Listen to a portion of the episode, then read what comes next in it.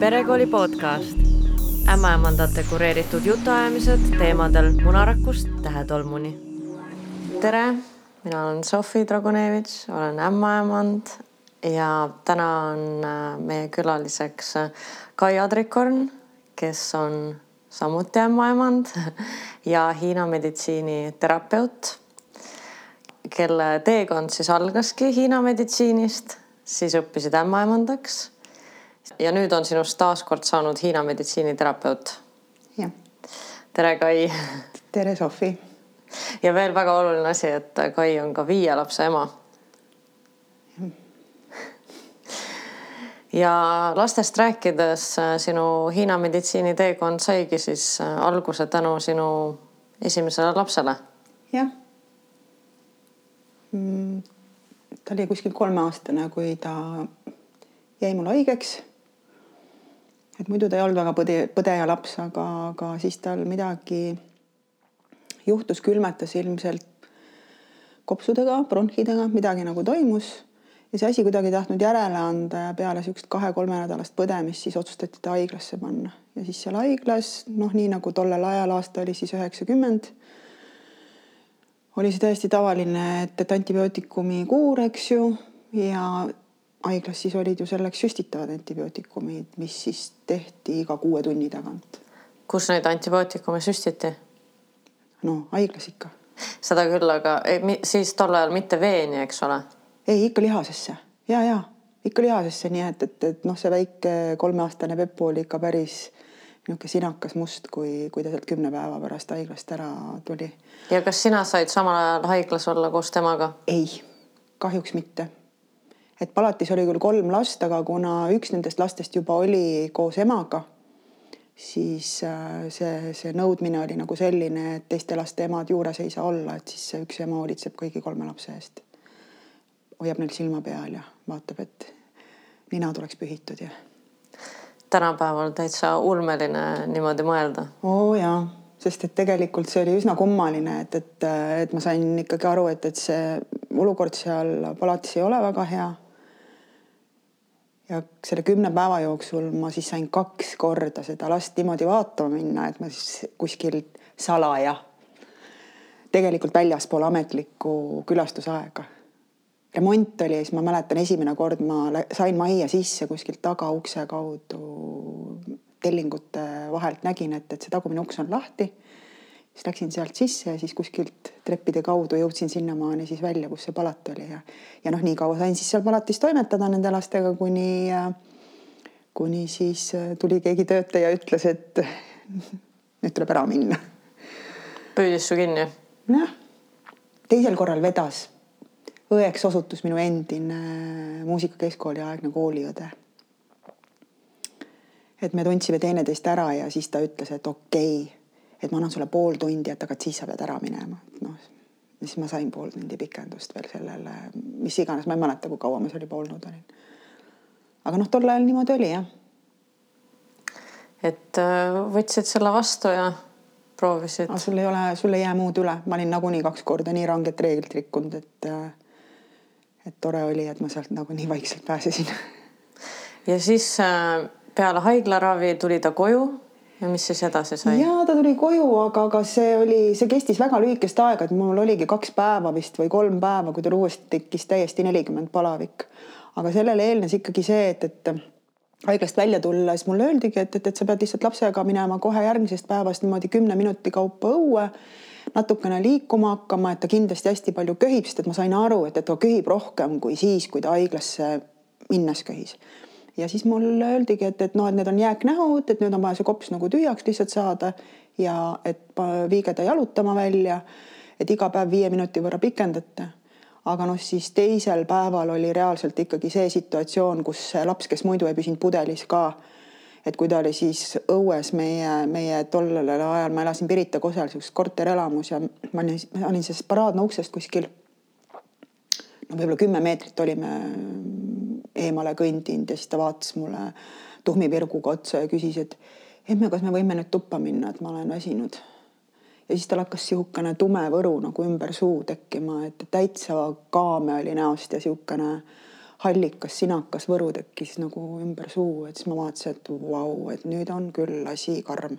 krahmasin lapse sülle ja läksin kohe tuppa ja siis tunni-paari pärast oli tal uuesti jälle siis see circa nelikümmend palavik, kolmkümmend üheksa. ja siis ma hakkasin abi otsima uuesti. ja kust see abi siis tuli? see abi tuli natukene ootamatust küljest, et äh, ma küll helistasin polikliinikusse ja rääkisin äh, polikliiniku arstiga ka, aga tema jutt oli ainult see, et, et tulebki haiglasse jälle minna ma väga ei vaimustunud sellest, sest et noh, see kogemus ei olnud väga tore. pealegi noh, laps nagu päris kindlalt, ma teadsin, et, et noh, see üksi olemine ja kogu see süstimine seal ilma, et, et sul oleks keegi turvaline isik sel ajal kõrval, eks ju, et see on, see on, see on lapse jaoks nii suur üleelamine, et äh, ta ei oleks mingil juhul olnud valmis sinna uuesti tagasi minema. ja noh, siis ma tegin nagu, nagu selle otsuse, et, et, et ma nüüd otsin ise midagi ja siis helistasin siia-sinna ja siis lõpuks asi viis nii kaugele, et tegelikult oli mingi kokkusattumus. et siis üks arst sattus olema minu ühe tuttava juures samal hetkel, kui mina sellele tuttavale helistasin ja nii edasi ja nii edasi, üks asi viis teiseni ja siis sama päeva õhtul lõpuks siis see arst toodi mulle koju. ta oli seda poissi vaatama, sest enne seda millalgi helistas ka ja palus, et kui võimalik on ja kui, kui see olukord kannatab, et ma ei annaks talle ühtegi ravimit, et ta näeks nagu seda selget pilti mis, mis selle lapsega siis sellel hetkel nagu toimub. palavik oli hästi kõrge, et ta jõudis alles õhtul mingi kuskil kella seitsme aeg vist. ja, ja, ja noh, ei olnudki midagi, siis ta ilusasti selgitas mulle, mis, mis, mis toimub ja mis selle lapsega nagu tõenäoliselt praegult nagu on. Ja, ja ütles ka, et, et, et eks siin tuleb uued ravimid peale panna. siis ta hankis mulle ühed uued antibiootikumid aga ta ise läks ära, ta ei olnud Tallinna inimene, sõitis minema ja, ja, ja siis me leppisime kokku, et ma tulen kuu aja pärast, kui me oleme selle aktiivse faasi nagu, nagu ära paraneda saanud nende antibiootikumide abil. Et siis ta on sellisele järelravile võtab lapse, aga noh, ta ütles mulle ette ka, et, et suure tõenäosusega, et ta köhib mul veel hästi kaua aega, et võimalik, et kevadeni välja. või kuni pool aastat, et, et selle ma ausalt öeldes siiamaani päriselt ei teagi, mis see diagnoos oli, mis siis haiglas pandi, sest et arvati, et on kopsupõletik, aga kopsupõletiku ravi nagu ei andnud tulemust. et ma ei saanudki aru. et ma noh, tol ajal olin veel täiesti meditsiinist ikkagi nii kaugel. Aga see arst, kes sulle koju tuli, et tema siis kombineeris äh, lääne meditsiini ja Hiina meditsiini meetodeid? just, et oma erialalt on ta Tartu Ülikooli lõpetanud pediaater, hiljem sai temast veel ka taastusraviarst. ja, ja nõelraviarst oli ta. ja siis, siis ma pean ütlema, et tõesti need antibiootikumid, mille, mida ta siis hankis tol ajal oli see tohutult selline althõlma ja põranda alt ja ma ei tea, kust, kust imekohtadest äh, toimetamine ja, ja, ja need tõesti, need ravimid aitasid et ma siis lihtsalt orgunnisin ise selle, kuidas seda süsti siis nagu teostada, mis tegelikult päädis lõpuks sellega, et ma ise süstisin kodus, sest keegi ei olnud nõus süstima. noh, nii oli, see oli selline aeg lihtsalt, tänapäeva noortel on võib-olla täiesti keeruline aru saada, et, et kuidas selline asi üldse nagu võimalik on. aga tol ajal see niimoodi oli. et kui sa tahtsid, et, et mingid asjad toimiksid, et need, et, et et sa saavutaksid, sa pidid leidma nagu ise hästi nutikalt mingi tee, kuidas seda teha. täna on kõik võimalused palju rohkem avatud ja, ja, ja teatud mõttes on elu hästi palju läbipaistvam, kui ta tol ajal oli. Poeg siis hakkas tervenema, siis selle lääne ja Hiina kombinatsiooniga siis mis, kuidas, kuidas sinu siis teekond edasi läks? no põhimõtteliselt peale seda tema visiiti meie koju, siis tõesti oligi niimoodi, et äh, üheksakümne esimese aasta täiesti jaanuari alguses me sõitsime siis tema juurde ravile lapsega. ja kuna lapsel oli tõesti nagu see, see üleelamine nendest süstidest oli nagu nii karm siis tegelikult meil oli täiesti selline situatsioon, et ta ei tohtinud isegi mitte valges kitlis nagu äh, kabinetis olla, siis poiss juba läks nii ärevaks kätte, et ega ta ei lasknud siis endaga midagi teha. ja siis tegime lihtsalt selle kavaluse, et doktor läks korraks uksest välja, võttis valge kitli seljast ära, tuli tavaliste era, erariietega tagasi ja ja, ja siis, siis noh, siis oli lihtsalt keegi onu, kes rääkis temaga ja, ja niimoodi üks asi viis teiseni. nõelu ta panna ei la lasknud, sest et noh, Hiina meditsiini üks põhilisemaid tööriistu on ju nõelravi. aga ta tegi seda natukene teistmoodi, et, et siis punktide mõjutamise teel ja ta hakkas mind kohe õpetama, ütleski, et, et tegelikult kõige lihtsam meetod on see, et, et emad ise õpivad. ja selles suhtes küll ma olin talle nagu mega tänulik, sellepärast et ma hiljem äh, nii kaua, kuni läksid äh, ütleme, keskmised lapsed jõudsid kooli et sinnamaani kõik meie lapsed olidki ju kogu aeg kodused ja nad olid väga vähe haiged, väga vähe. ja need vähesedki asjad, mis meil üldse nagu üles siis kerkisid, et need ma ravisingi kõik ise ära. et meil, meil arst käis kodus ikka võib-olla viie-kuue aasta jooksul võib-olla mõned korrad ainult. aga, aga tol korral siis läksime mm, selle arsti juurde nii-öelda järelravile. ja laias laastus ma siis sinna jäin et meist sai hästi kiiresti paar. et me, et me jäime kokku kolmekümneks aastaks. Teist sai paar. Ja mis siis edasi sai, sina hakkasid õppima Hiina meditsiini? esimesed aastad oli selline hästi intensiivne õppimise aeg, et siis ma, mulle, mulle tohutult ikkagi pakkus huvi see inimese energeetika et ma ei olnudki niivõrd nagu, nagu vaimustuses sellest nõelravist, sest et ma sain aru, et nõelravi on nagu üks osa kogu sellest kupatusest aga mind tohutult huvitas inimese energeetika. siis tema näol ma olin ikkagi kokku saanud esimest korda sellise inimesega, kellega ma sain rääkida asjadest, millest ma ei olnud äh, terve oma senise elu väga vabalt ja avalikult saanud kellegiga rääkida nii, ja kui see kohtumine siis aset leidis ja kui oli see suur äratundmine, siis te hakkasite koos elama mm. -hmm. ja kust, kust said siis äh, sina oma esimesed Hiina meditsiini teadmised? no tema käest, aga tead veel..., see, see tuli tegelikult ikkagi sellega, et, et ma nägin, kuidas ta seda tööd tegi ja, ja siis ma ikkagi, ma kohe küsisin. ma olen väga tüütu küsija eluaeg, ma arvan, et kõik need, kes on minuga kunagi ühistel kursuse, ühistes kursuseklassides istunud, need kõik teavad, kui tüütu küsija ma olen. ja tema käest ma küsisin ka kohe miks sa need punktid paned või miks sa sinna just nõelad paned, et kui sa paned, näed sellele inimesele siia punkti ja teisele paned ka siia punkti, siis näiteks miks need punktid, mis on teistes kohtades, on näiteks erinevad, miks ühed punktid on samad, teised on erinevad. ja siis ta selgitas ja ta andis mulle mm, esimesena lugeda ühe sellise tõlgitud, tõlgitud raamatu, see oli Andrei Vandenbussche makrobiootika ja tollel ajal ei olnud absoluutselt eesti keeles sellist kirjandust kuskilt saada, et kui äh, mingisugune selline seltskond oli, kes äh, käputäis inimesi tõlkisid äh, väliskirjandust, siis neid koopiaid ja, ja paljundusi tehti kuskil pool põranda all, sellepärast et neid, sellist asju ei müüdud Viltsis või, või need ei olnud ka avalikult lubatud. Nõukogude ajal oli see lausa keelatud, selle eest pandi vangi inimesi niisuguste asjade eest minu üks esimesi olulisi äh, õpetajaid on istunud seitse aastat üksikkongis selle eest. et ta et, praktiseeris Hiina meditsiini? ei, mitte Hiina meditsiini, aga ta, ta tegeles inimese energeetika uurimistega, ta oli bioloogiateaduste doktor ja läbi siis läbi, läbi bioloogiliste protsesside ta siis äh, tõestas ka inimese energeetikat muuhulgas ja, ja kuna ta ikkagi vastupidi keelustamisele jätkuvalt jätkas seda oma toimetamist, siis äh, pandi, pandi ta ikka riivi ja luku taha. eks seda minevikust palju teada, et inimesed on vangis istunud mingite täiesti jaburate asjade pärast. täna on see kõik vaba ja, ja, ja ma arvan, et, et olgem ainult rõõmsad selle üle, et maailm on nii palju avatum aga tol ajal siis ma sain seda Vandenbusche raamatut lugeda ja see nagu tohutult pani mul sees ikkagi särisema. Sest see äratundmine, et sa loed ja siis sa saad aru, et vau, see ongi see. Ja ma tean seda, ma tean seda, et see oli nagu nii äge, see oli nii äge. Ja see ei olnud mitte see, et, et ma tean seda praegu, ma tean seda lapsest saati.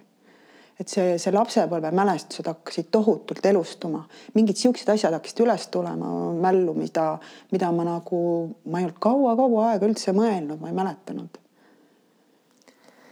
Ja kas sa siis hakkasid juba vaikselt seda ka tööna tegema?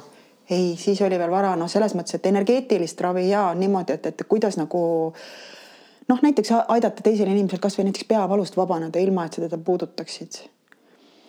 kuidas, kuidas niisugust värsket traumat nii-öelda esmaabi korras aidata tervendada nii kauaks, kuni see inimene saab nagu kusagile traumapunkti, traumapunkti näiteks. ma nii mäletan, et ta oli mulle mingid asjad just õpetanud ja siis tema juurde tuli üks tuttav oma pojaga, kes oli mingitel krossi võistlustel hästi korralikult kukkunud, see jalg oli paras paistes ja ja hästi-hästi valutas. ja siis, ja siis mees ütles mulle, et, et noh, et, et, et kuule, et vaata seda poissi, et võta tal vähemalt valu ära, et niikaua, kuni nad Tartuni sõidavad, sest me elasime Viljandi külje all vana, Vanavõidus tol ajal ja siis nad pidid Tartusse sõitma ja seal, sealsamas kõr-, ligidal oli mingi krossirada ja seal ta kukkus. Ja, ja siis, ja siis me, siis see, siis see valu sai ära võetud. Paistetus tegelikult hakkas ka juba tagasi koos sellega minema, aga põhiline oli see, et, et see valu kadus tal nii ära, et ta sai isegi sellele jalale uuesti toetuda. Ja see tundus sellele poisile kuidagi nii noh, nagu ebareaalne. ja siis ta hakkas väga kartma, ütles, et oo, see naine on nõid ja siis nad läksid minema mis sa siis tegid? isa naeris, mitte midagi, ma lihtsalt hoidsin oma käsi tema selle hüppeliigese Äh, lähedal niimoodi ja siis lasin energiat läbi, läbi äh, tema selle hüppeliigese. ja sellega koos lihtsalt valu, valu läks ära. ja siis nad läksid, äh, jõudsid Tartusse ja siis seal röntgenis ikkagi tuvastati, et tal olid seal mingid luumõrad ja noh, ikka läks kipsi. Läks korralikult kipsi ja. aga andsid esmaabi? see oli niisugune esmaabi liigutus, just ja siis äh, suur küsimärk, kuidas sa jõudsid siis ämmaemanduseni? see oli ka oma, omajagu sihuke põnev juhtum. et äh, see oli üheksakümne kuuendal aastal. Mm, minu kolmas laps oli selleks ajaks saanud pooleteistaastaseks. ja tead, meil oli selline traditsioon, et pühapäeva hommikud olid need ajad, kus äh, minul lasti kauem magada, ehk siis mees võttis lapsed ja mina sain siis veel äh, peale seda siis tundi-kaks äh, sain üksinda lihtsalt rahulikult magada, nii et keegi ei tulnud mind segama ja siis öösel pidi aeg, aeg-ajalt ikka üles ärkama ja ja siis see kaks tundi, vot mis mul jäi sinna hommikusse see oli nii äge unenägu, mida ma nägin ja seal unenäos näidati mulle igasuguseid huvitavaid asju ja see kõik oli seotud ämmaemandusega. see, kuidas ma ise õpin alguses, kuidas äh, on klass ja on palju naisi istub seal, siis olid juba sellised pildid, kus mina ise olen klassi ees ja on palju naisi ja siis, kuidas on kabinet ja sünnitustoad ja noh, igasuguseid asju nagu film. ja ma ärkasin üles ja mul ei olnud mingit erilist sellist suurt ahaa-elamust, mul oli lihtsalt sada protsenti selline nagu teadmise tunne. tulin, nõõrusin uniseid silmi, läksin äh, vannituppa pesusse ja tee peal siis ühtlasi kõndisin mööda köögist, kus parasjagu mees äh, lastele süüa andis ja, ja, ja siis mööda minnes sealt ütlesin, et aa, ma lähen nüüd ämmaemandaks õppima ja mees siis samal ajal lihtsalt sõitis pudrulusikat tüdrukule suhu ja ta isegi ei vaadanud minu poole sellel hetkel, vaid, vaid ütles, et okei okay,, et aga tee siis ruttu, et ainult üks nädal veel võetakse dokumente vastu. no ja järgmisel päeval, esmaspäeval, siis ma olin juba Tallinnas äh, nii palju pabereid, kui mul kuskil sahtlis siis oli oma kümme aastat äh, tagasi lõpetatud keskkooli kohta. tol ajal veel riigieksameid ei olnud ehk siis mingeid riigieksami tulemusi veel ei nõutud, nii et mul oligi see kaheksakümne kuuenda aasta keskkooli lõputunnistus anti ja, ja siis äh, tulin Tallinnasse, läksin meditsiinikooli, andsin dokumendid sisse kuidas su abikaasa teadis, et nädal aega on dokumentide no, esitamisel? ise selle kooli direktor veel ja me olime, me tegelikult nii palju nagu sellel teemal rääkisime, et me kaalusime varianti, et kas ma lähen Tartusse või ma lähen Tallinnasse aga eks see asjaolu ikkagi tegelikult otsustas ära või tähendab, selle, see asi otsustati ära sellelt pinnalt, et vaata, et mul oli selleks ajaks ikkagi kolm last ja nendest kaks olid ikkagi väga väikesed veel, et üks oli siis kolmene, teine oli pooleteisene. ja minna Tartusse niimoodi, et pere jääb kuskile mujale. et see ei olnud väga reaalne. lihtsalt komplitseeritud oli see variant, et, et mu omaenda mees on sellesama kooli direktor, kuhu mina sisse astun ja eks sellest saigi pärast hiljem päris paras proovikivi meie elu, elus ja minu õpingutes. aga noh, lõpp hea, kõik hea. minu jaoks vähemalt, et, et äh, mulle megalt meeldis õppida, mulle väga-väga meeldis õppida, ma tõesti, ma nagu neelasin igat seda päeva, mis ma seal koolis olin. et mõnevõrra läks nagu tuur kergemaks siis, kui neljas laps sündis kooli ajal. et, ähm, et siis ma võtsin hästi väikse sellise akadeemilise ühe aasta lõpust ja teise aasta algusest, ehk siis ma tegelikult nagu õppeaastan ikkagi veel ühe aasta nagu kaotasin. aga, aga ja mulle õudselt meeldis õppida, see oli nii äge aeg. kaua sa kokku õppisid? ma kokku õppisin tegelikult kuus aastat. sest ma alustasin see üheksakümne kuues aasta, kui ma sisse astusin, siis oli veel ämmaemandatele see nii-öelda vana nõukaaegne keskeriharidusprogramm ehk siis kaks aastat kümme kuud ja aasta aega õppisin ära ja siis ma tulin vabatahtlikult uuesti esimesele kursusele tagasi, sest et alates üheksakümne seitsmendast tuli siis ämmakatele rakenduskõrgharidus, mille õppeaeg on neli pool aastat. ja aasta siis esimesest pluss neli pool aastat siis teine õppeprogramm, millest ma siis omakorda ühe aasta pidin äh, veel, veel nii ikkagi nagu tänu sellele akadeemilisele nagu juurde võtma, nii et, et kokku oligi siis circa kuus, kuus pool aastat minu jaoks õppeperiood. aga ma ei kahetse midagi, see oli nii, nii äge aeg. päris korralik äh, aeg. ja, aga tagantjärgi mõeldes, äh, arvestades sellega, et täna õpetatakse arste kuus aastat. et siis sama hästi oleks võinud ju tegelikult Tartusse arsti minna õppima, mida mulle ka tol ajal väga mitu korda öeldi, et, et, et miks sa siia üldse tulid et miks sa Tartusse ei läinud arsti. aga noh, ma lihtsalt, äh, ma ei kujutanud ette, et ma, et ma jätan oma lapsed nagu täiesti iseendast ilma. sest et need esimesed eluaastad me elasime ikkagi nagu, see oli nagu paradiisis elamine. maal täielik vaikus ümberringi, linnud laulavad, lapsed võivad iga kell äh, suve hommikul äh, palja tagumikuga õue joosta oma käega korjata kõike, mis peenral kasvab ja puust tuleb, et, et, ähm, et see oli ikkagi selline tohutu rahuaeg. hästi palju ma sain olla lihtsalt üksi lastega, sest mees oli kogu aeg kuskil ära ja meie, meie olime esimesed seitse aastat oligi, et ma ikka suurema osa ajast olin üksi lastega mees tuli koju näiteks nädalavahetuseks, kui ta oli Tallinnas tööl või, või ise õppis veel kuskil või, või töötas kuskil, kuskil teises kohas, sest tema tööpäevad olid üüratult pikad, ta läkski hommikul kell seitse näiteks ära ja tuli õhtul kell pool üksteist alles või kümme. ja, või siis oli täiesti kuskil teises linnas ära. ta tol ajal ka hästi palju ise õppis ja õppis sealsamas selles Neitšingi koolis ehk siis selles nõelravi koolis. tema alustas üheksakümne neljandal või üheksakümne kolmandal aastal, see oli esimene Neitšingi kooli kursus, mis anti siis ainult arstidele. ja mina alustasin üheksakümmend neli sealsamas koolis ja siis õpet-, hakati õpetama ka mitte äh, meedikutest inimestele.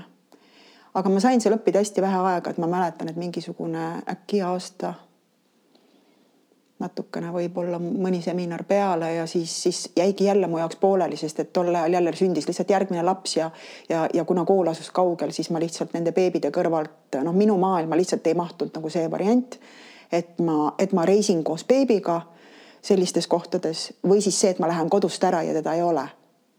et mind ikkagi väga kunagi hästi kõnetas see Unnar, Gunnar Aarma mm, see äh, ütlemine, et, et laps peaks tegelikult olema oma ema väljas, tema vist ütles, et lausa, lausa kaheksanda eluaastani või seitsmenda eluaastani. noh, circa niisugune kuus meetrit ehk siis sinu enda energiaväli nii kaugele, kui kaugele ta siis kellelgi ulatub, mõnel kaugemale, mõnel lähemale. et laps peaks olema kogu aeg sinu välja sees oi, sellega on aastaid kunagi äh, piike murtud, sest et seda peeti absurdseks ja jaburaks. Äh, suur vabadus tuli ju, mõtleme, tulime Nõukogude Liidust, kus kõik oli piiratud ja siis järsku tuleb keegi ja ütleb, et, et see piiramine ongi oluline, et, et sa ei pea, sa ei pea kusagile ära minema, et sa peadki olema lapsega nagu lähestikku. ma, ma olen täiesti veendunud selles tänapäevani. et see on väga oluline, peabki olema väikeste lastega vähemalt kuni kolmanda eluaastani, ma leian, et see peabki nii olema.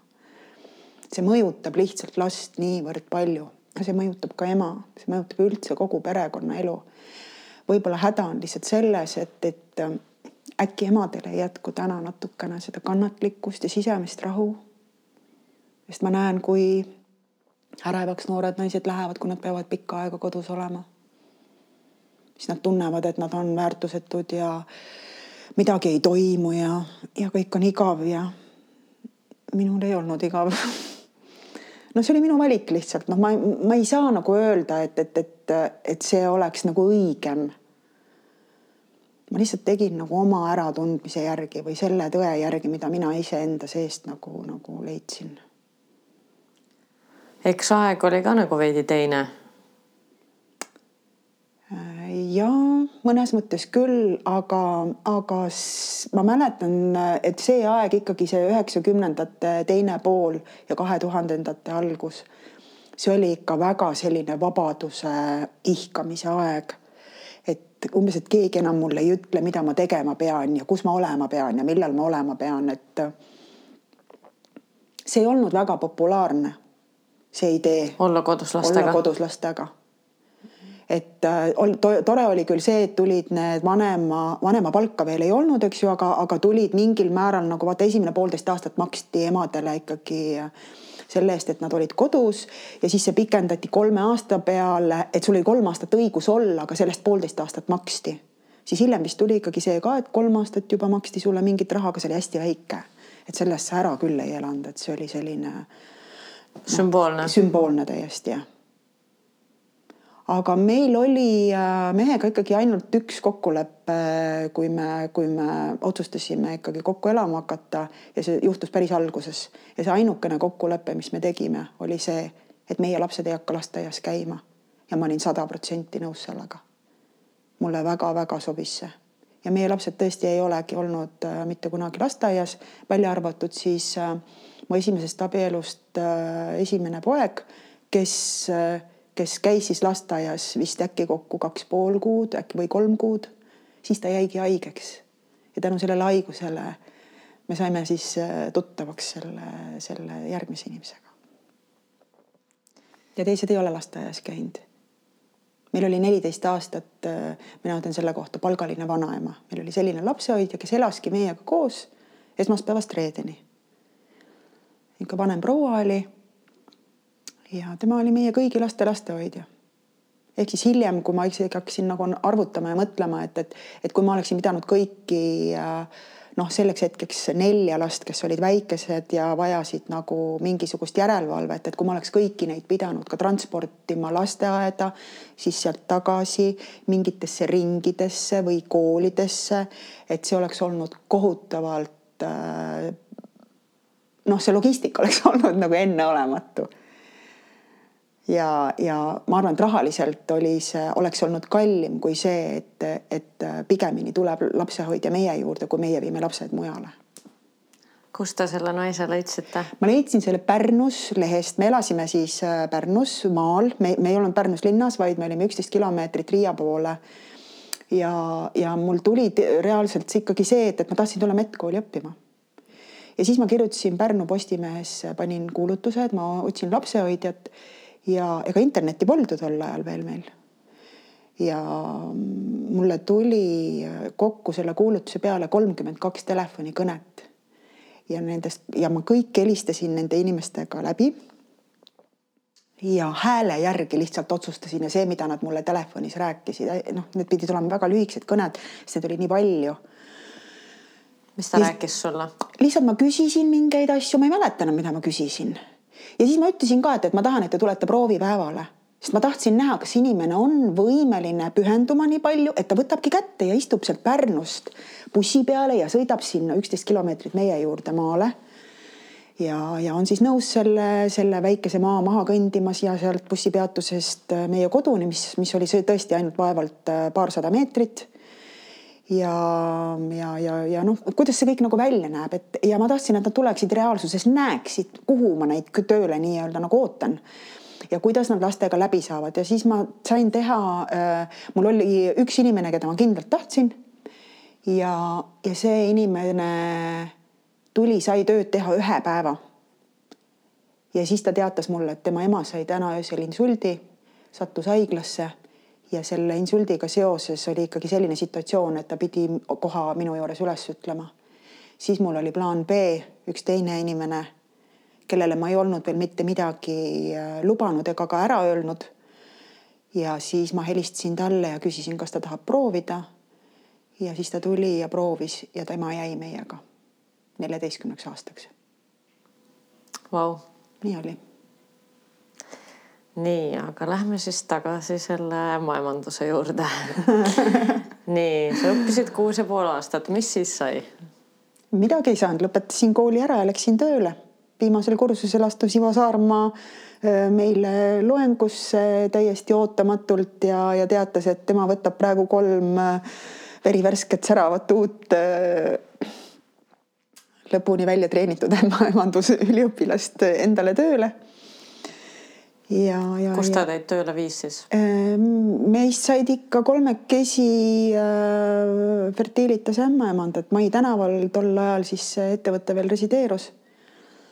haigla oli seal ja, ja siis sinna me tööle läksime, nii et äh, me vist kõik alustasime juba novembris äh, kaks tuhat kaks kuigi meie diplomite kättesaamine jäi veel kahe tuhande kolmandasse aastasse, aga me olime abiämmaemandatena siis ikkagi juba tööl, ma ei mäleta, kas me kõik olime, aga kaks meist olid kindlasti, üks neist olin mina. et siis me olime kaks tuhat kaks sügisel juba seal tööl ja peale, peale siis diplomite kätteandmist ehk siis peale aktust, siis me olime ametlikult ämmaemandad. ja te olite üsna laia profiiliga seal ja selle maja eripära või selle maja öö, nagu töökorraldus oligi selline, et, et kui sa sinna ämmaemandaks läksid, siis sa tegid absoluutselt kõike. alustades sellest, et sa olid äh,, sa olid postis tööl, sünnitustoas tööl ja, ja, ja sa tegelikult olid ka polikliinikus tööl.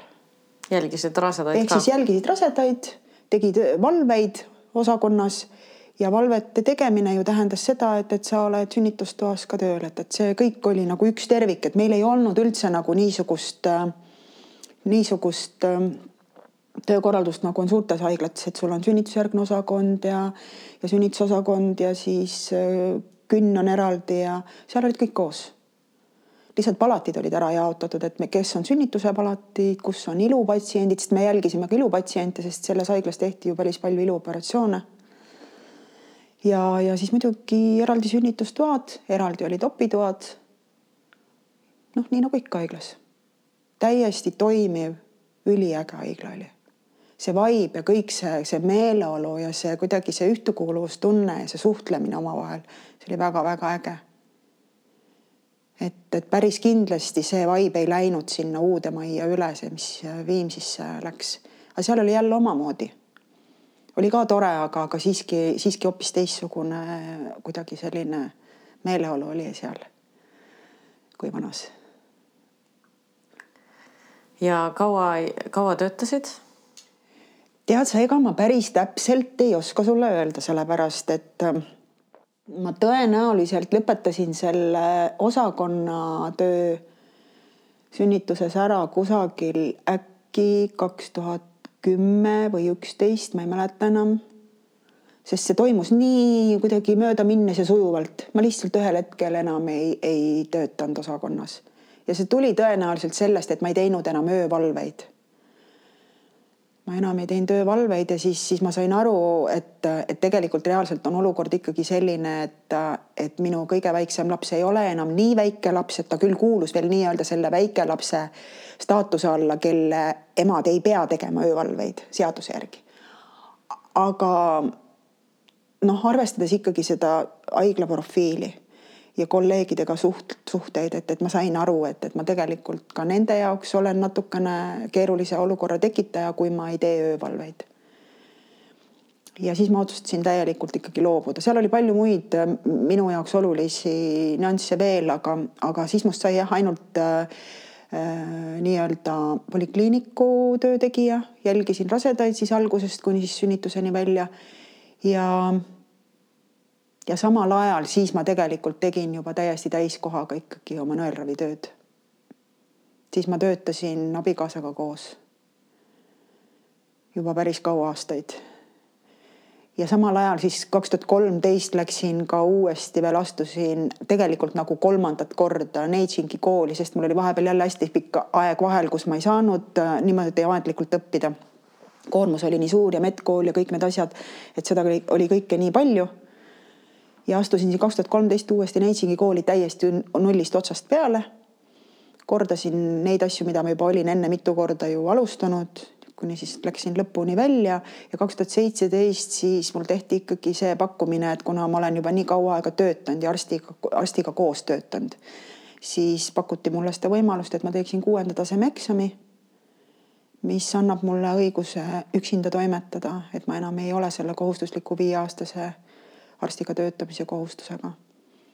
ja ja, ja siis ma tegin selle eksami ära ja kaks tuhat seitseteist ma sain siis täiesti omaenda praksise juba üksinda avada, et ma ei pidanud enam koos töötama. siis sinust äh, sai nii-öelda ametlikult Hiina meditsiiniterapeut? jah. sa mainisid, et sa ei teinud enam öövalveid.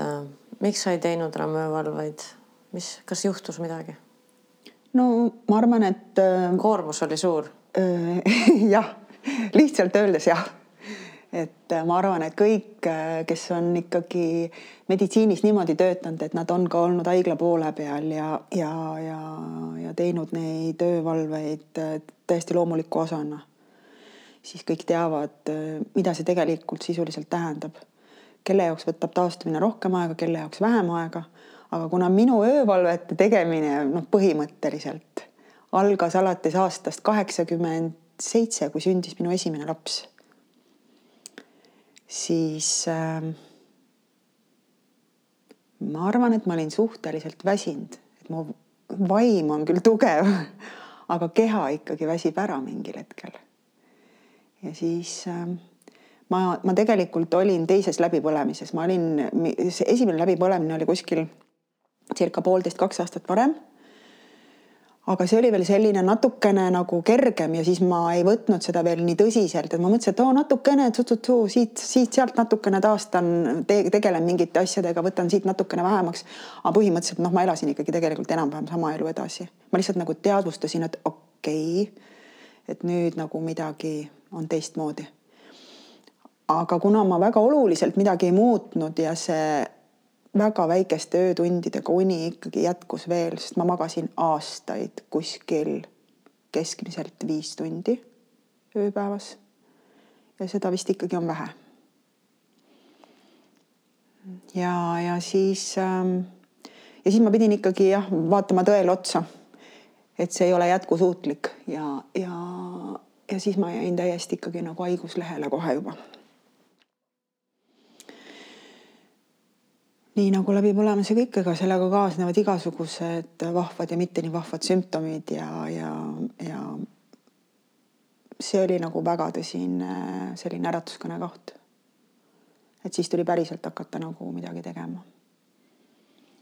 kuidas tol hetkel oli sinu meelest ühiskonnas, kas sellest räägiti läbipõlemisest või? ei, tol ajal sellest ei räägitud ja ma mäletan ikka väga selgelt seda, et, et kui äh, ütleme selle läbipõlemisel noh, juba sa oled nagu selles protsessis hästi aktiivselt sees, sa võib-olla ei taha endale ise veel tunnistada, aga ka need ärevusseisundid, mis sellega kaasnevad. et kui see sind ikkagi tabab mingites sellistes olukordades, kus sa nagu üldse ei taha, et keegi sellest teada saaks. et see on ikka nagu väga raske ja see ääri-veeri, kui keegi teine tuli mulle rääkima. mõne, mul oli selliseid töökaaslaseid ja tutvusringkonnas inimesi, kelle, kellel ei olnud nii kõva närvi ja kes ikkagi äh, suhteliselt varases staadiumis hakkasid noh, lihtsalt nagu tuttavatega rääkides nagu mingisugust, nad tahtsid välja rääkida, ma arvan, pigemini oli kõige rohkem vist see, nad ei otsinud niivõrd abi, nad otsisid seda, et, et keegi kuulaks. ja, ja siis ma sain aru, et aa, okei okay,, et ikka teistel inimestel on ka ma ei ole ainuke nii nagu me ikka algul arvame, et. jah, et tänapäeval on täiesti teine, noh, tänapäeval, see on mitu siis, kümme aastat hiljem umbes on ju et.... Ja noh, ikka natukene veel kauem, ma arvan, et see oli mingi, oota, mis ma praegu on, kakskümmend kolm, noh, jah mingi kolmteist aastat tagasi. Et nüüd me saame ikkagi vabalt sellel teemal rääkida mm -hmm. ja mhm. inimesed suhestuvad ja on empaatilised ja et vaimne tervis on noh, ka nagu nii oluline. ülioluline. on olulisem võib-olla isegi kui sellised lihtsamad kehalised, kui me siin noh, see tohutu furoor, mis nende viiruste ümber on nagu viimastel aastatel käinud, et siis noh, me ju kõik näeme seda kuidas see mõjub ka kuidas see vaimsele? mõjub meie vaimsele tervisele. Et äh, ja, ja see vaimse tervise tagajärg, äh, selle, selle keerulise olukorra äh, tagajärg on tegelikult palju hullem kui noh, võtta kätte ja põdeda see viirus ära ja, ja, ja siis, siis enam-vähem ongi kõik. oled jälle terve ja pead ise mõistlik lihtsalt olema, andma kehale piisava aja paranemiseks ja aga kuidas selle vaimse tervisega nagu uuesti jälle rea peale saada, et see on ju palju keerulisem. Kuidas sa siis said? no minu jaoks oli see, et, et selle koha pealt ma võin tõesti öelda, et, et seal ma lähtusin ainult Hiina meditsiini põhimõtetest. et. mis sind toetas? mind toetas see, et, et üks esimesi olulisi asju oli endale meelde tuletada, et mis on nagu need asjad, mis on või no need süsteemid, mis meie energeetikas on siis seotud äh, nii-öelda selle vaimse poolega, selle inimliku poolega, emotsioonid, tunded, mõttemaailm, ülitähtis. sest ikka jubedad mõtted tulevad pähe. sul on ikka nii rasked mõtted, nii, nii keerulised mõtted, et, et ainuüksi selle mõtte raskuse all sa vajud juba, juba hunnikusse ja mis ma siis nagu reaalselt iseenda jaoks teha saan, et kuidas sellest nagu välja hakata tulema. magama tuli hakata, aga magada ei saanud, sest et sa ei saanud magada. Sa lihtsalt ärkasid kogu aeg üles, ärevus, hoog ajab sind üles, südame kloppimine ajab sind üles. hommikul ei saa voodist üles, sest et see depressiivne olek, mis sellega koos kaasneb, on lihtsalt nii laastav, et sa ei ole võimeline hommikul voodist üles ennast ajama ja minu jaoks sai hästi tugevaks nagu äratuskõneks see, kui ikkagi üks väga lähedane inimene vaatas mulle otsa, kui ma tulin äh, perearsti juurest ja ma olin saanud äh, depressiooni diagnoosi, läbi, läbipõlemine ja depressioon, seal olid, ma ei tea, terve rida oli mingeid, mingeid koode, mis ta siis pani sinna selle asja juurde ja, ja, ja siis ma tulin koju ja, ja, ja siis ütlesin, et, et et nüüd on niisugune värk. ja siis mulle öeldi, et nüüd sa oledki kuus kuud selline. ja ma mõtlesin, et mis asja. ei. Vot siis oli niisugune tunne, et nagu rusikaga oleks tahtnud praegu laua peale lüüa ja öelda ei. ja siis ma nägin nagu oma peas, oma silma ees nägin numbrit üks koma viis ja siis ma ütlesin otse välja poolteist kuud. ja ma olen tagasi ja minu reaalsuseks osutus see, et täpselt poolteist kuud oli siis perearst nõus minu haiguslehte kaks korda pikendama, algul siis oli vist esimene kord oli kolm nädalat ja siis ta vist jupitas seal veel mingi paari nädala kaupa. ja sealt edasi ta lõpp, keeldus mu lehte pikendamast, sellepärast et mina ei olnud nõus antidepressante sööma ja, ja, ja siis ma tegin selle, et, et ma teadsin, et, et, et ma pean hakkama uuesti liigutama nagu nii-öelda suuri lihaseid. reielihased, tuharalihased, sääremarjad, käevarred, tuleb liigutada suuri lihaseid, see aktiveerib äh, meie kehas nii-öelda põrnaenergiat. ja põrnaenergia otseselt vastutab ka meie mõtlemise ja mälu ja selliste äh, noh, õppimisvõimega seotud funktsioonide eest et see ei pruugi praegu lääne meditsiini inimest see jutt väga kõnetada. aga noh, hetkel ma lihtsalt ütlen, et äh, nii on. ja, ja, ja siis oli oluline lihtsalt see, et hommikul üles saada. kõige raskem oli tõusta voodist üles ja kõndida esikuni ja saada tossud jalga, et ma ei teinud mitte midagi muud. ärkasin üles, panin tossud jalga, jõin klaasi vett. ja siis ma läksin kõndima me elasime Nõmmel tol ajal ja need esimesed korrad oli meeletult raske, megaraske. see oli see kõige aktiivsem, see haiguse periood ka, nii et, et äh, mul ei ole mitte kunagi olnud mingisuguseid vererõhu teemasid. praegu on ka kõik väga heas korras. ja ma olen üldse väga vähe oma elus haige olnud. väga vähe. ja, ja siis oli niimoodi, et mul võis nagu ainuüksi sellest kõndimisest, mis ma oma aiaväravast siis kaks maja edasi kõndisin selle koormuse peale siis vererõhk võis hüpata näiteks saja seitsmekümne peale, ülemine ja alumine oli siis kuskil sada kümme, sada viisteist, vot niisugune. süda peksis sada kakskümmend korda minutis. ja siis seisin seal aianajal ja mõtlesin, et kas ma jaksan tagasi kõndida või ma peaks praegu helistama ja kutsuma mehe, et, et davai, tule korja mind siit aia äärest ära. Ja iga päev olenemata sellest, milline ilm, tulgu või pussnuge, see oli õnneks selline, minu meelest oli see mingi kevadine aeg, hiliskevadine aeg. ja, ja ma lihtsalt nagu, ma ei tea, nui neljaks tahtejõuga.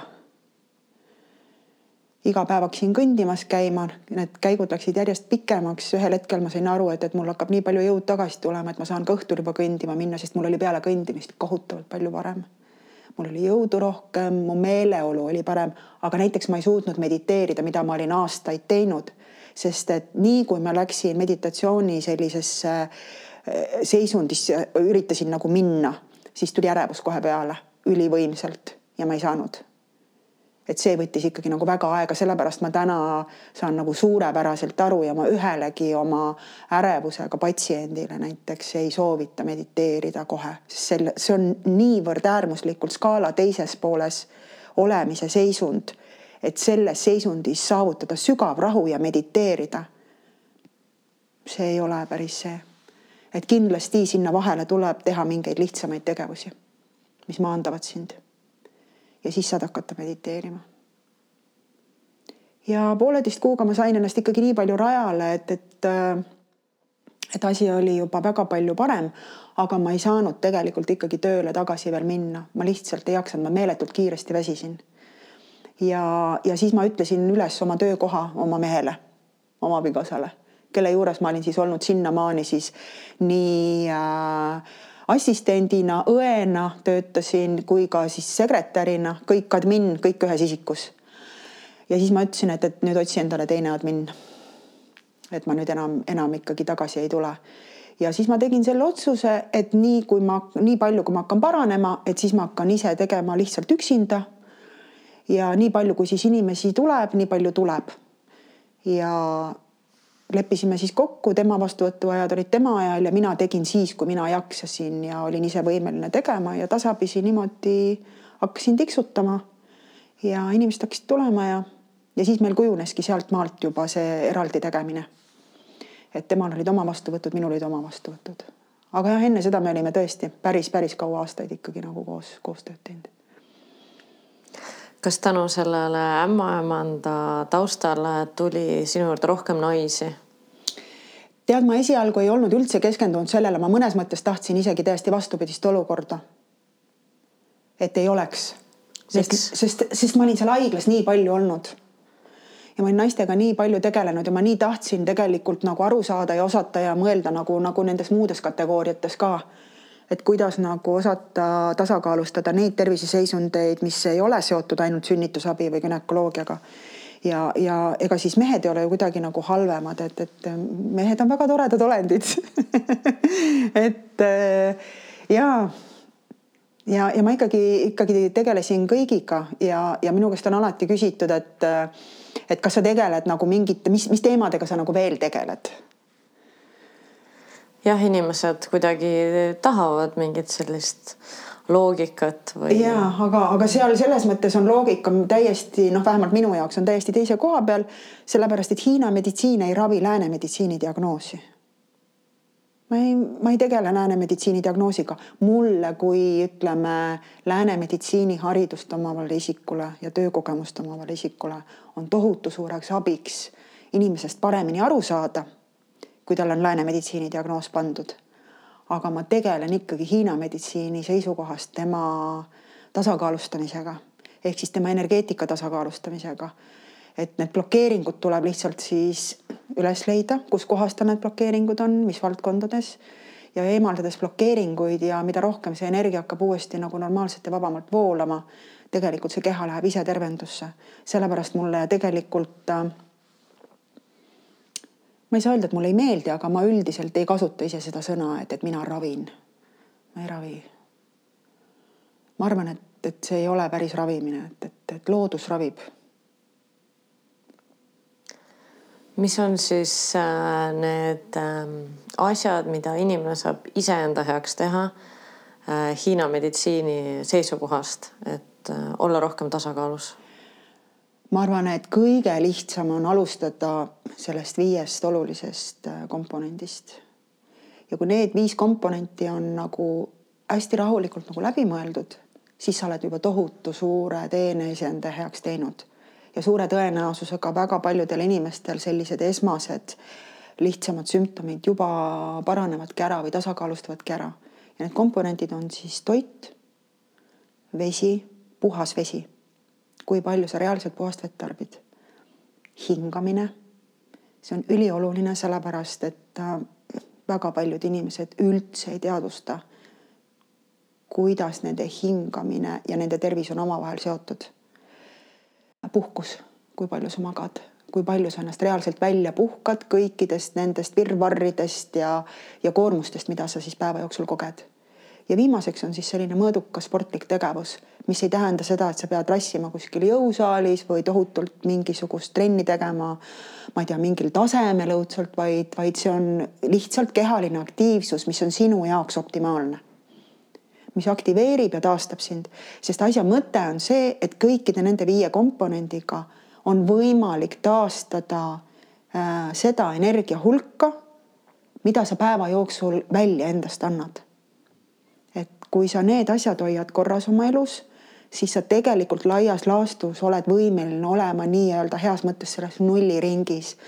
ehk siis sa tegelikult veel ei anna energiat ära oma neerudest ehk siis oma, oma patareist, mis on sulle reaalselt ette nähtud tegelikult sinu vanu, vanaduse perioodiks.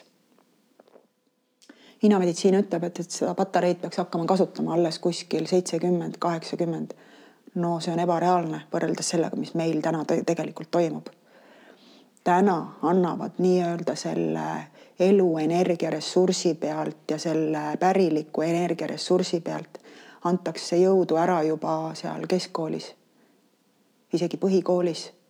Kui me mõtleme selle peale, et järjest rohkematele noortele kirjutatakse juba, juba keskkooli ajal antidepressanti ja me saame seal, ma ei tea, ATH diagnoosiga lapsed on ja, ja, ja, ja noh, kõike seda on, seda sügavat stressi on, on juba lapseeast peale nii palju siis mida intensiivsemalt ja jõulisemalt me elame, sõltumata sellest, kas sa elad siis nii-öelda positiivset või negatiivset elu, aga see, mis tekitab stressi ja vaata, siin on nüüd see, see koht, kus me peame nagu korraks kaks jalga maha panema, äh, eemalduma igasugusest emotsionaalsusest ja rahulikult selgeks tegema, mis asi on stress.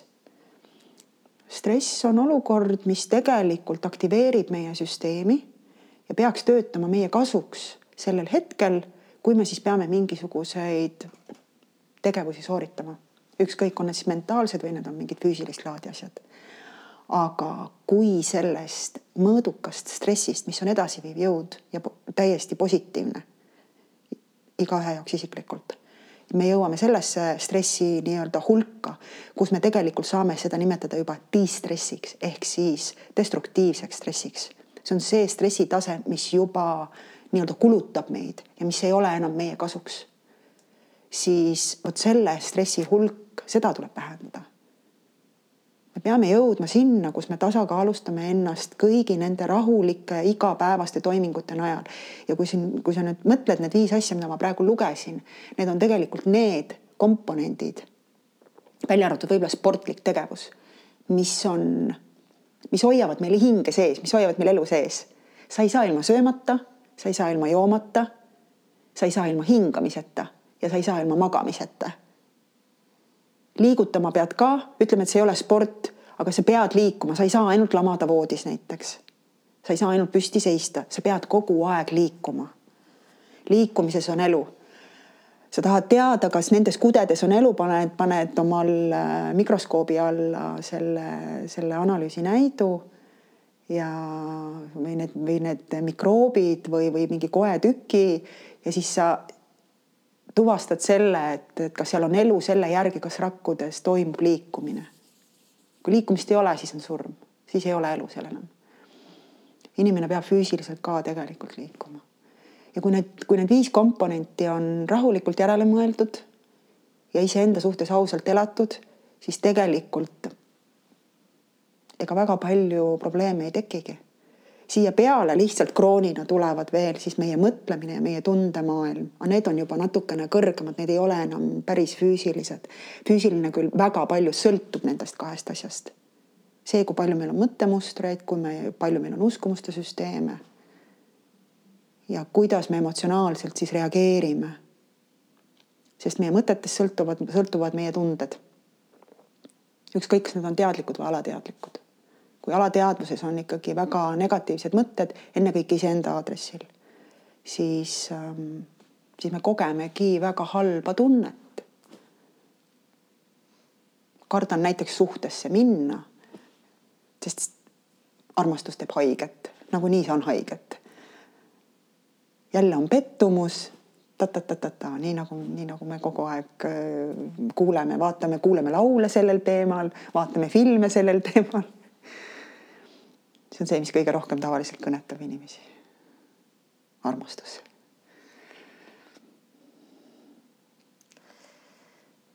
jah, tasakaal, eks me kõik otsime omal viisil äh, tasakaalu, ma arvan. et lihtsalt ongi nagu sa rääkisid, et ähm, et värsked lapsevanemad ja öövalvete tegijad, et on, peavad siis kuidagi teistmoodi seda tasakaalu otsima, et kui alati ei saa neid unetunde nii palju, kui tahaks, näiteks. ja, ja mingil hetkel tuleb siis lihtsalt ikkagi ausalt otsa vaadata, et, et kui see asi ikkagi hästi ei toimi enam ja veel vähem, kui sa ise enam ei sära selle asja juures, et sul ikkagi see sisemine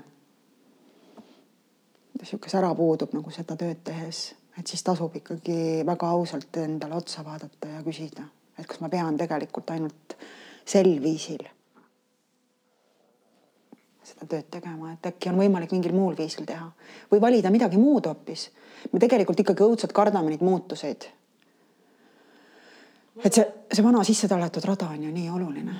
kuigi mulle tundub, et äh, tänapäeval ikkagi inimesed on väga rohkem avatud sellele mõttele, et täiesti karjääri vahetada. ja, ja see on nii äge minu meelest et kui vaatad nooremaid inimesi, kes on, ütleme seal vanuses kuskil niisugune kolmkümmend nelikümmend, siis on nii kihvt näha, kuidas äh, täiesti selliste vingete, ägedate akadeemiliste haridustega inimesed, kellel on ka muuhulgas juba võib-olla isegi lausa aastakümnete pikkune töökogemus, näiteks juristina või noh, niisuguse korraliku bürokraadina kuskil riigiasutuses ja siis ta võtab kätte, läheb näiteks Räpinasse õppima aiandust või või, või näiteks Hiiumaa Ametikooli maastikuehitust, näiteks ma tean paari inimest ja, ja, ja näiteks üks täiesti, täiesti naisterahvas äh, minu tutvusringkonnas võttis kätte, läks õppima arboristiks.